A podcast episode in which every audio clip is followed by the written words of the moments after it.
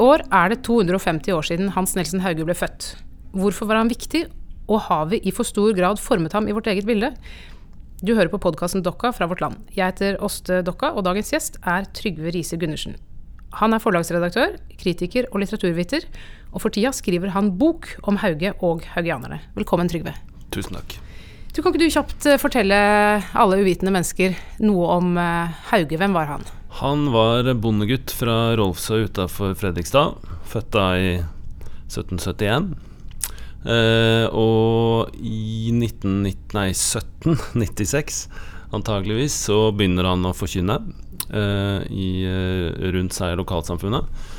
Og det blir utrolig nok begynnelsen på en vekkelse eh, som liksom ikke stopper, den bare sprer seg og sprer seg. Um, sånn at uh, når han blir arrestert for tiende gang, men for første liksom virkelig alvorlige arrestasjonen i 1804, åtte år seinere, så har den vekkelsen spredd seg over hele Norge, fra Tromsø i nord til uh, sørlandskysten, uh, og har nådd fram til tusenvis av mennesker. Det er den første landsdekkende folkelige bevegelsen i Norge.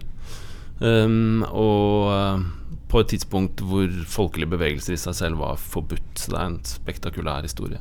Ja, fordi eh, på den tida så fantes ikke organisasjonslivet eller eh, sånn på den måten som vi har i dag. Nei, du kan si det, det, det, det begynner å komme uh, ting som ligner på det i elitekretser. Um, men for allmuen var det rett og slett forsamlingsforbud i utgangspunktet. Det var ikke lov til å møtes. Det kunne straffes med dødsstraff hvis man kalte sammen til møter utenom statlig regi.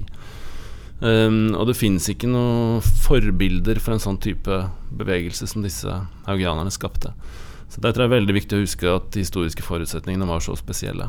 Uh, men bl.a. fordi han brøt så sterkt med det som var normen i forventningene i samtida, så griper da staten til slutt inn. Um, og um, fengsler han, setter i gang en rettsprosess som er den mest omfattende rettsprosessen tror jeg i norsk historie på noe tidspunkt. Um, eller på det tidspunktet. Hvor de bl.a. avhører eh, uh, 600-700 augianere over hele riket. Den rettsprosessen varer i, ti år. Så i 1814, eh, jula 1814 blir den endelig avslutta. Eh, og da blir han dømt til en bot, sånn middels stor bot, for brudd på det som het konventikkelplakaten, som var en lovforskrift som regulerte folkelig forkynnelse. Eh, uh, så kommer han ut av fengsel og lever i ti år til. Men altså, fysisk sterkt svekka etter harde fengslingsvilkår. Um, han slår seg ned som bonde i Aker her utafor Oslo, uh, og fortsetter å være leder av bevegelsen fram til han dør i 1824. Men det er en bevegelse som på mange måter er ganske annerledes uh, enn den vi så før han arresteres. da. Eh, Hauge han er jo en skikkelse som har blitt ganske sånn ikonisk i norsk historie. Um, og ganske store deler av norsk organisasjonsliv og sivilsamfunn kan, kan, vi på mange måter spore tilbake til han. Um, og derfor så tar jo mange eierskap til Hauge. Uh, det er jo litt som Jesus, kanskje. At man, man prøver å ta de store figurene og, og bruke dem til sitt prosjekt. Uh, men når var det denne mytologiseringa av Hauge begynte? Jeg tror jeg synes jo det er noe av det som har fascinert meg med han. At det er en sånn skikkelse som Det er veldig få skikkelser i norsk historie hvor jeg tenker det er så stor forskjell mellom han sånn som han framstår i samtida, historisk sett Um, og de fortellingene vi har fortalt om han etterpå. Uh, så han er en overstyrt, uh, overstyrt skikkelse på fortolkningssida. Um, og nå feirer vi jo Eller skal begynne å feire jubileum, og da skal vi feire disse bildene vi har lagd, på en måte. Um, sånn historisk sett så kan du se at han, han var da dypt kontroversiell mens han levde. Um, bevegelsen blir riktignok mer akseptert, den blir mer konservativ, på den siden. På den siden så blir det mer akseptert, mer åpenhet for den. Um, men det er fortsatt dyp skepsis i mange kretser, og den vedvarer egentlig helt fram til rundt 1850-1860. Um, så, så uh, det er ikke noe selvfølge at Hauge skulle liksom bli nasjonalhelgen. Uh, sånn som jeg ser det, så uh, så er det Det er liksom en historie som er interessant i seg selv, da, å se hvordan det bildet skapes. Men, men, min lesning, som det er flere som har pekt på før, da, det, det er at du har, du har, store kulturelle og kirkelige konflikter på midten av 1800-tallet der, i forhold til skal, man, skal statskirka fortsette? Uh, frimenighetene kommer. Um, du får et veldig sterkt uh, misjonsengasjement. Du får tanken om å bygge en nasjonal indremisjonsbevegelse. En veldig sterk konflikt mellom en radikal legmannsbevegelse og en konservativ kristenhet.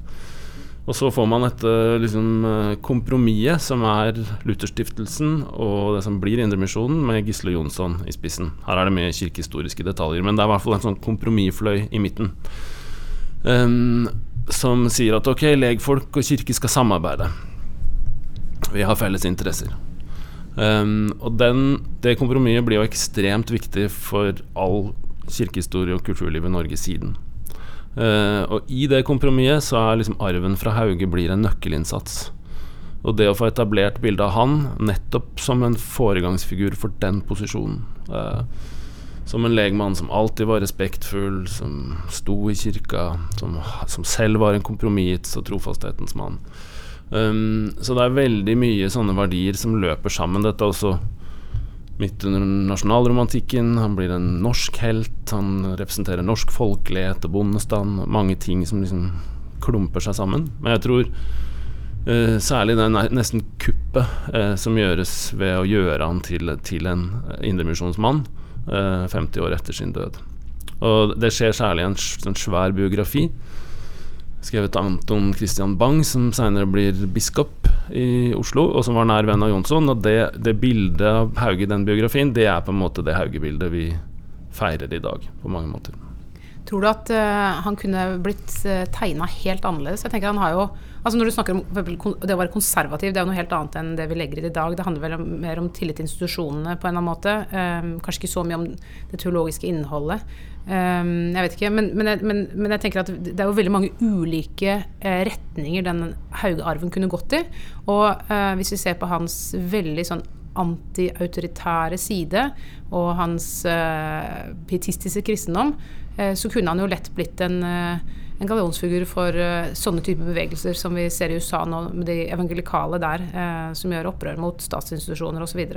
Tror du det var en god, en god, form for mytebygging for det norske prosjektet, liksom? Ja, det litt, Har det tjent oss? det er i hvert fall den myten vi har, da.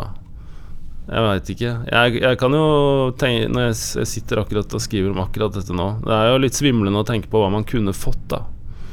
Jeg tror de konfliktene rundt deg var mye mer radikale og dramatiske enn de er blitt framstilt i norsk historie. Og konsekvensen hvis man hadde fått eh, et uh, brudd av en mer sånn fragmentert norsk kristenhet, er veldig uforutsigbare.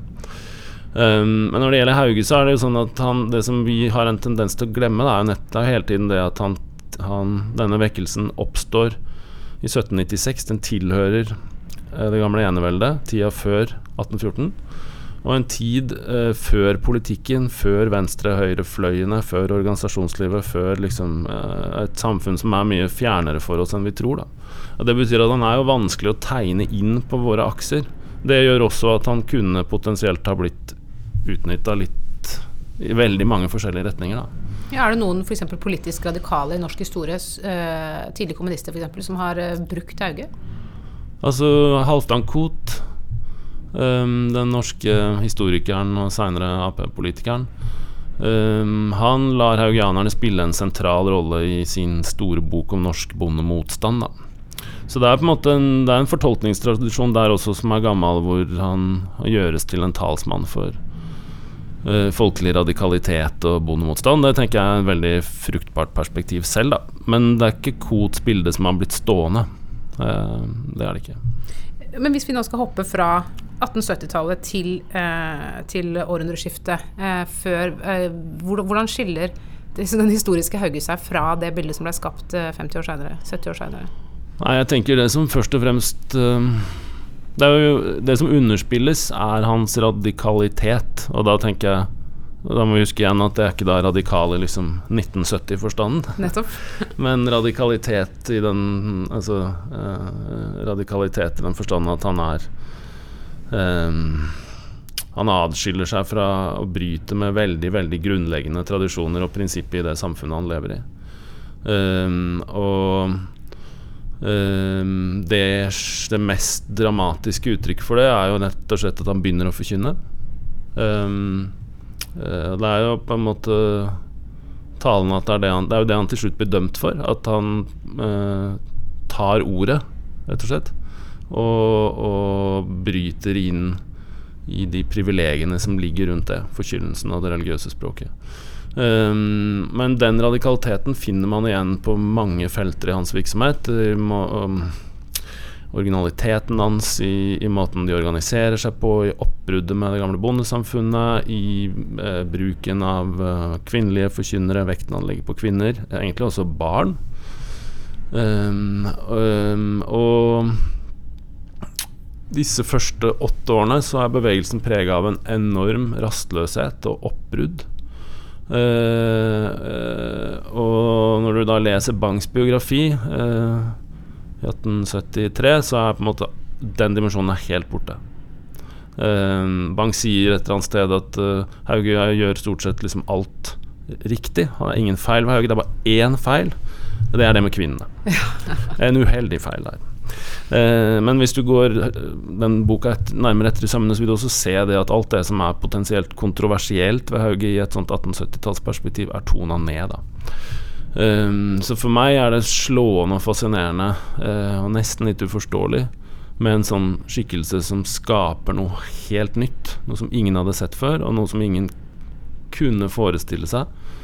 Og hvordan de og Dette er ikke egentlig en heltehistorie også, dette er noe de gjør sammen. Altså Allmuefolk over hele landet finner opp denne bevegelsen og øh, finner løpende opp underveis hva de skal gjøre, og hvordan, hva slags form bevegelsen skal få.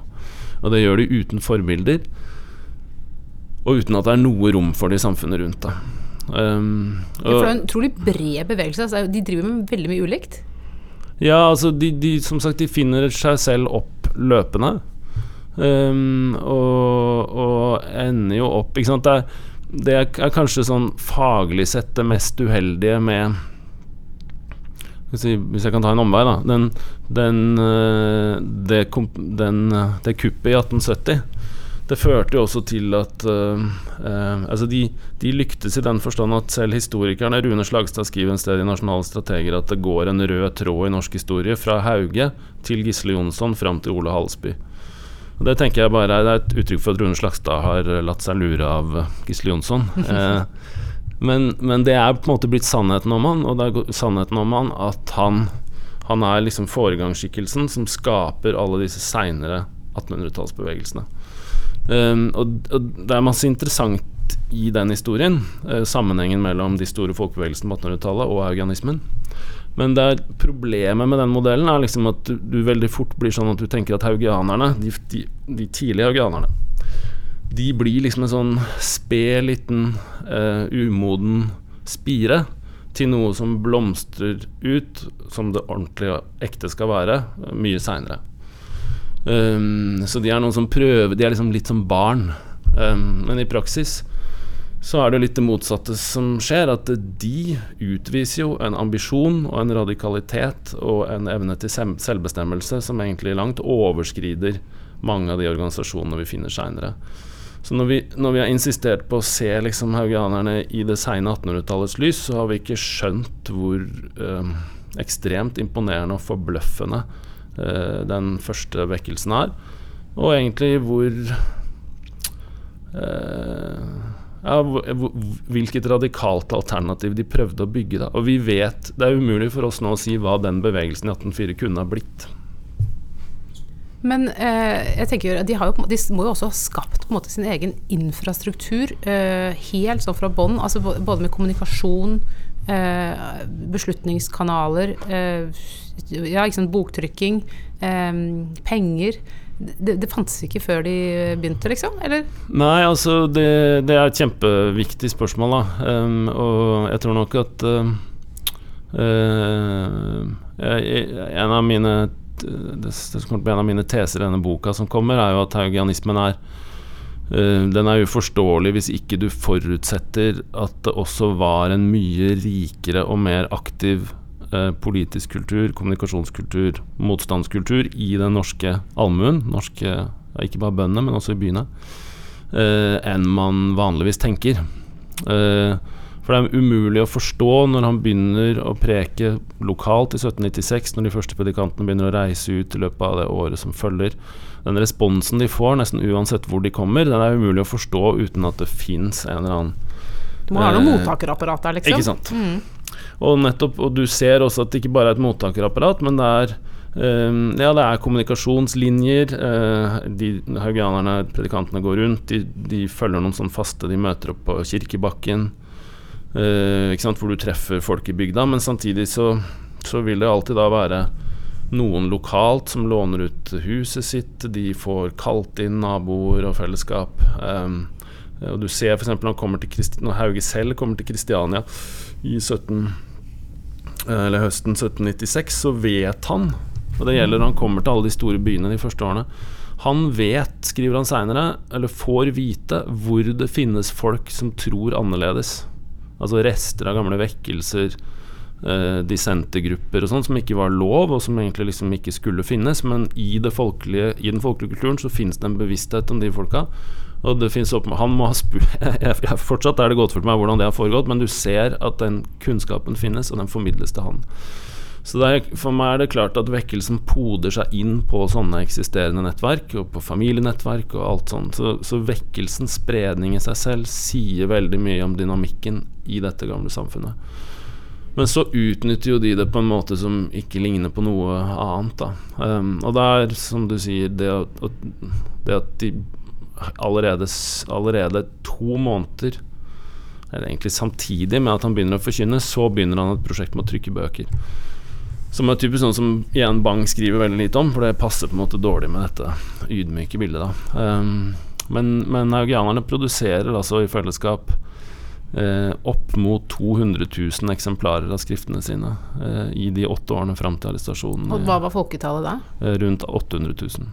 Ja, det var helt sånn, så det er avsindige trykketall. Ja. Og, og, det står jo i norske skolebøker at allmuen på det tidspunktet var analfabeter. Så, så, så, igjen forteller vekkelsen og deres praksis noe om den kulturen som sånn sett er, eh, om ikke holdt skjult, så i hvert fall oversett. da og så, så, så, så, hele det apparatet for å trykke bøker, for å spre bøker, distribuere bøker, det skaper også kommunikasjonsnettverk. Og jeg tror det er den boktrykkerpraksisen er igjen, uh, tenker jeg, en nøkkel Det er en av de tingene som setter dem på ideen om å begynne med næringsvirksomhet. Om å bygge papirfabrikk, om å gjøre seg til kjøpmann i Bergen. Om å kjøpe opp eiendommer, og så vokser det fra det. Men, men de, de, er jo i ferd med, da, når de arresteres, å bygge opp en, en bevegelse som både er en religiøs bevegelse, men også er en, en sosial og politisk institusjon. Eh, eh, som, eh, som skal ja, drive næringsvirksomhet, tjene penger og sånn, men også representere et fellesskap. Altså, de fabrikkene tror jeg er vel så viktige for augianerne som et sted hvor de kan komme, bo sammen, dele fellesskap som en slags sånn, uh, kollektiv. Da. Utopiske kollektiv. Hvis vi hopper til vår tid, så, så, er det jo sånn at vi i dag også lett tar han til inntekt for ting. Jeg ser at folk mener han er feminist eller demokrat. øh, gründer. Er det legitimt, øh, syns du, de, de, bildene som tegnes nå? Det kommer litt an på hvordan de tegnes. Uh, altså Alle de merkelappene der det er, det er, bare viktig at man husker at de merkelappene er våre merkelapper, da.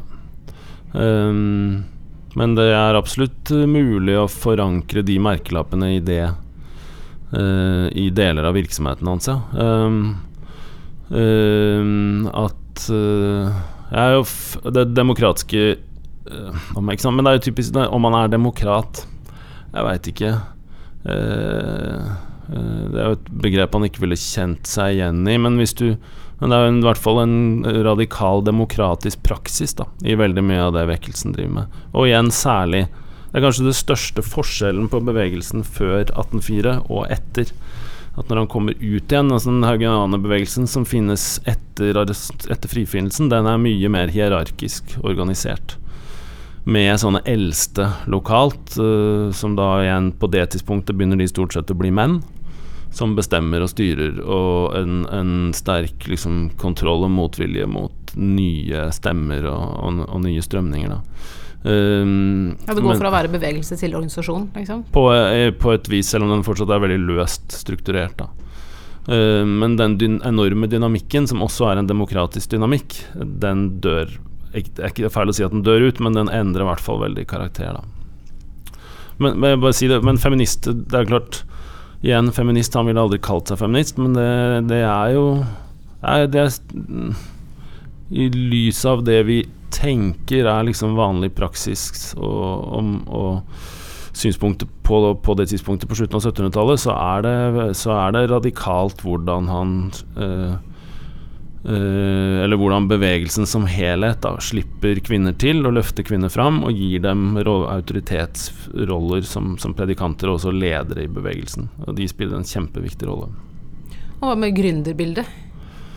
Ja, gründerbildet er litt sånn uh, Kanskje personlig litt mer sånn uh, det, det, er helt avgjørende, helt åpenbart også riktig, da. Uh, jeg ser NLA i Bergen har fått en Hauge, Hauge School of Management, som ja. er liksom business, etisk business. Uh, Nei, jeg, jeg, jeg, er nok kanskje uh, Altså, det som Det som er, er, problematisk med mye av omtalen av haugianernes næringsvirksomhet etterpå, det er at på forskjellige måter så er det den politiske, den opprinnelige politiske dimensjonen ved det prosjektet er blitt borte. Uh, I den forstand at uh, ja, enten historikerne de bruker Max Weber, og så sier de ja, nei, dette er sånn puritansk sånn kaldsetikk, så de, de, de, måtte liksom begynne med næringsvirksomhet før eller siden uansett, enten de ville eller ei, liksom. Uh, og mens, mens NLA og sånn ja, Der er det en sånn litt sånn snill utgave av den kapitalismen som er overalt ellers. Men, men når Hauge um, i høst, ja, når er det? høsten 1800, våren 1801, liksom lanserer den radikale ideen for uh, bevegelsen, for vennene, om at de skal begynne med næringsvirksomhet og etablere en fabrikk sammen, så er det helt eksplisitt og klartekst, et, en politisk handling, um, hvor han skriver brev og forklarer at uh, hvorfor, sier rett og slett rett ut at hvorfor skal disse tingene, altså produksjonsmidlene, fabrikkene, være forbeholdt de som er rike og slemme, når vi fattige og snille og troende uh, like gjerne kunne hatt det? Og hvorfor kan ikke vi Uh, ta disse tingene og bruke dem til det gode. Uh, og gi, bruke dem for de fattige, men også bruke dem mot de rike og slemme. Så det er, det er, et, det er et, politisk prosjekt, og det er et klasseprosjekt. Ja, det er en omfordelingsprosjekt ja. han driver ja. med der. Og, og um, ja, ja, det er et omfordelingsprosjekt. Det en, uh, dette skjer jo midt også mens Norge er i en voldsom forandring av kapitalismen forandrer Norge på dette tidspunktet. Haugianervekkelsen oppstår i et land som går gjennom dramatiske forandringer pga. den første industrien, pga. urbaniseringa og sånne ting.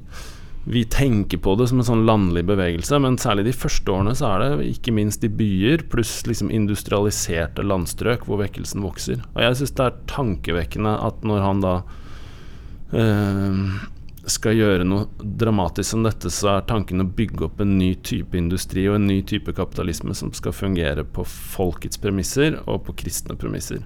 Kan godt kalle han kommunist, da, eller? ja, ja, det kan man. Det kan man. Men for, for eh, opprinnelig var ønsket hans når han etablerte Det er også sånn helt klart fra begynnelsen av at ønsket hans i utgangspunktet når han etablerer disse fabrikkene, det er at eh, alle som går inn i dem, skal eie dem sammen. Det skal ikke finnes noe særeierskap. Uh, og det er bygd på apostoliske modeller. Da. Jeg sa før at de ikke hadde noen modeller, men hvis det er liksom en modell de bygger på, så er det helt åpenbart uh, tidlig kristendommen. Uh, så finner de ut at det er ikke lov, rett og slett. Um, så hvis de skal etablere næringsvirksomhet, så må de, opp, må de gi opp den tanken. Men for meg er det helt åpenbart at det er den opprinnelige ønsket. Uh, altså Eh, finne, finne, en form for næringsvirksomhet og felles virksomhet som, som opphever eiendoms, eh, eiendommen de vakter imellom. Da. Det er et enormt radikalt prosjekt. Eh, og noe av det som også blir stående sentralt Altså Det er noe av det staten slår ned på. Eh, så, så, så rettssaken er også en politisk prosess, sånn sett, hvor de er utrolig opptatt av å finne ut om hvorvidt disse kommunistiske prinsippene liksom ble gjennomført bak statens rygg, da. Uh, ja. Fins det um Fins det en linje fra noen av dagens eh, bedrifter eller institusjoner som faktisk kom fra høybevegelsen? Er kooperativene f.eks., altså samvirkelaget, er det Kom det derfra? Det er litt sånn at alt på 1800-tallet kommer fra høybevegelsen. så det er litt sånn at alle er slekt, alle sånn som det er med oss alle. Hvis vi ser bakover på et eller annet punkt, så er vi alle i slekt. Eh, sånn at eh, svaret er liksom ja og nei på samme tid. Det det, de konkrete næringsvirksomhetene de starter opp, det er ingen av de, så vidt jeg vet, som eksisterer. Eh, men, men um, nå har jeg snakket litt sånn stygt om den sene bevegelsen, men jeg syns jo det er også en fascinerende ne, uh, et fascinerende kapittel, og det er veldig tydelig sånn at det kanskje mest Kanskje viktigste der for den seinere historien er nettopp de nettverkene de etablerer. Eh, sånn at eh, hvis du ser på alt som kommer opp Eh, det er ekstremt mye som, av det som kommer opp i Norge fra allmuehold, særlig første del av 1800-tallet. Eh, politiske initiativer, nye vekkelser, næringsinitiativer, lokalaviser, bondeopposisjonen på Stortinget. Som på et eller annet vis har sitt utspring i de gamle haugianernettverkene.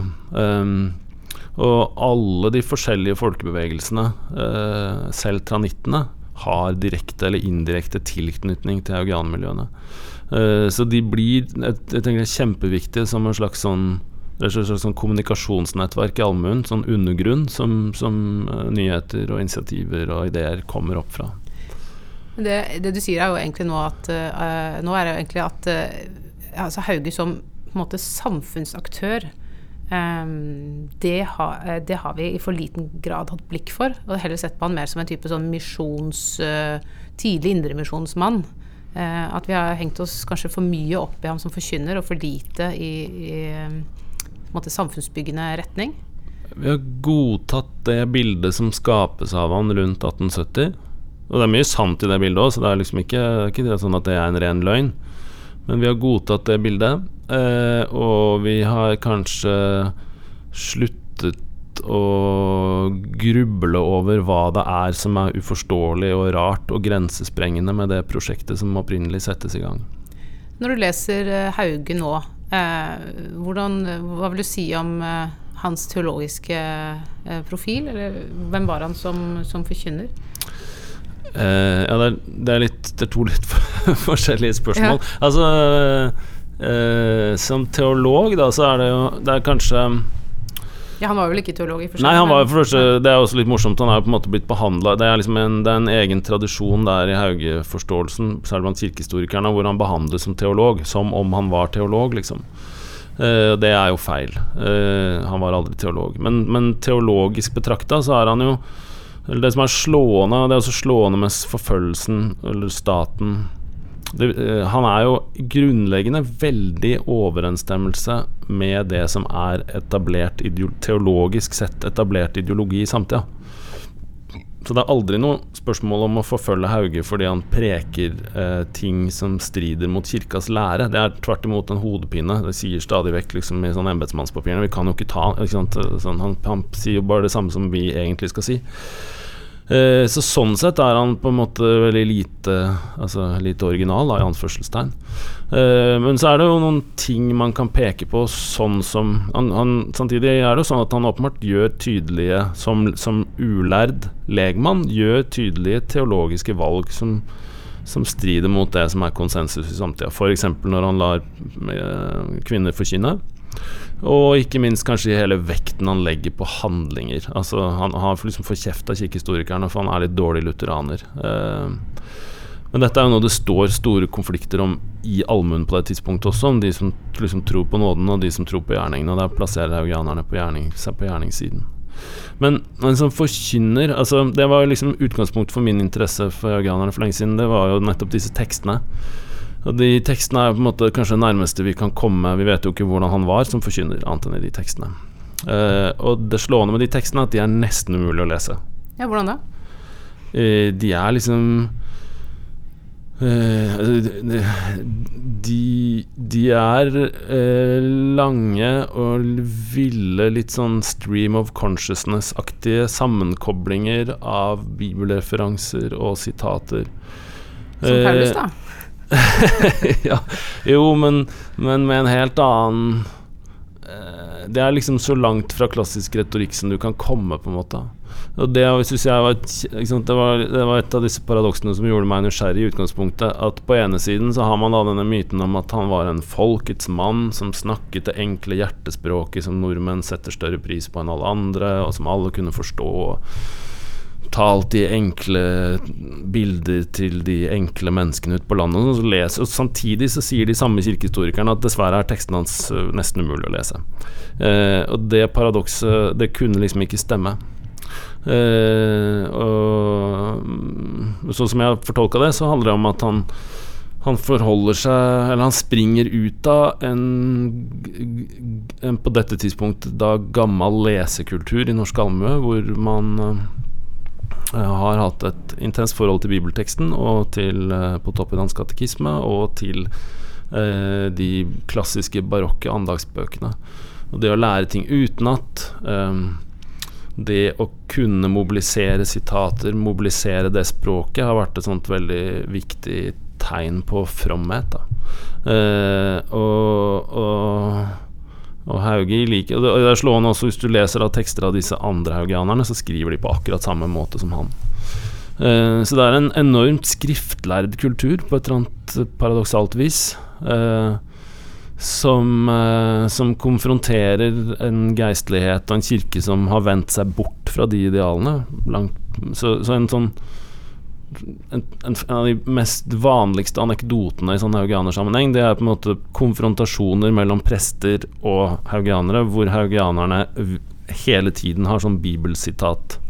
Til slutt blir prestene gærne og begynner å slå og sånn, ikke sant? fordi haugianerne hele tiden vinner uh, den kampen. da Det er litt som eventyrene. De er liksom uh, Askeladden som alltid har et eller annet svar, bibelsk svar på rede hånd. Um, som jeg tenker Det er liksom en språkkultur som egentlig Den, den er Den er Haugianismen er kanskje liksom det siste store uttrykket. Den, den tidlige haugianismen er på en måte den siste store uttrykket for en gammel lesekultur og fromhetskultur som, som dør ut utover på 1800-tallet. Og Det gjør at de tekstene er vanskelig å lese for oss i dag, men de er ekstremt historisk interessante. Du, Til sist, eh, Trygve. Hva, hva gruer du deg mest til å være vitne til i Haugeåret 2021? Eh, nei, du varslet at du skulle spørre om det. Da slo det meg at egentlig gruer jeg meg ikke så veldig.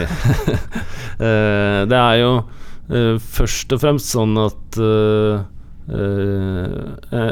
enten vi liker det eller ikke, da, så er jo Hauge en skikkelse som har synkende prestisje i det norske samfunnet. Så, så han, han, representerer jo ikke Han er vanskelig å mobilisere som, som maktfigur på den måten han har vært, da.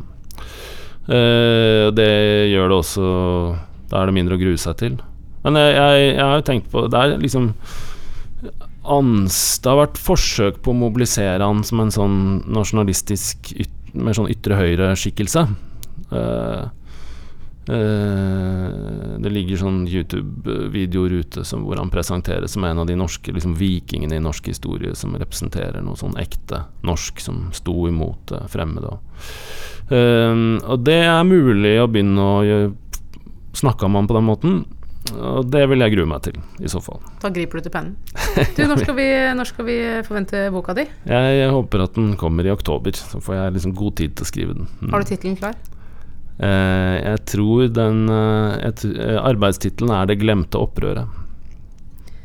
Trygve Riise Gundersen, tusen takk for at du ville komme hit.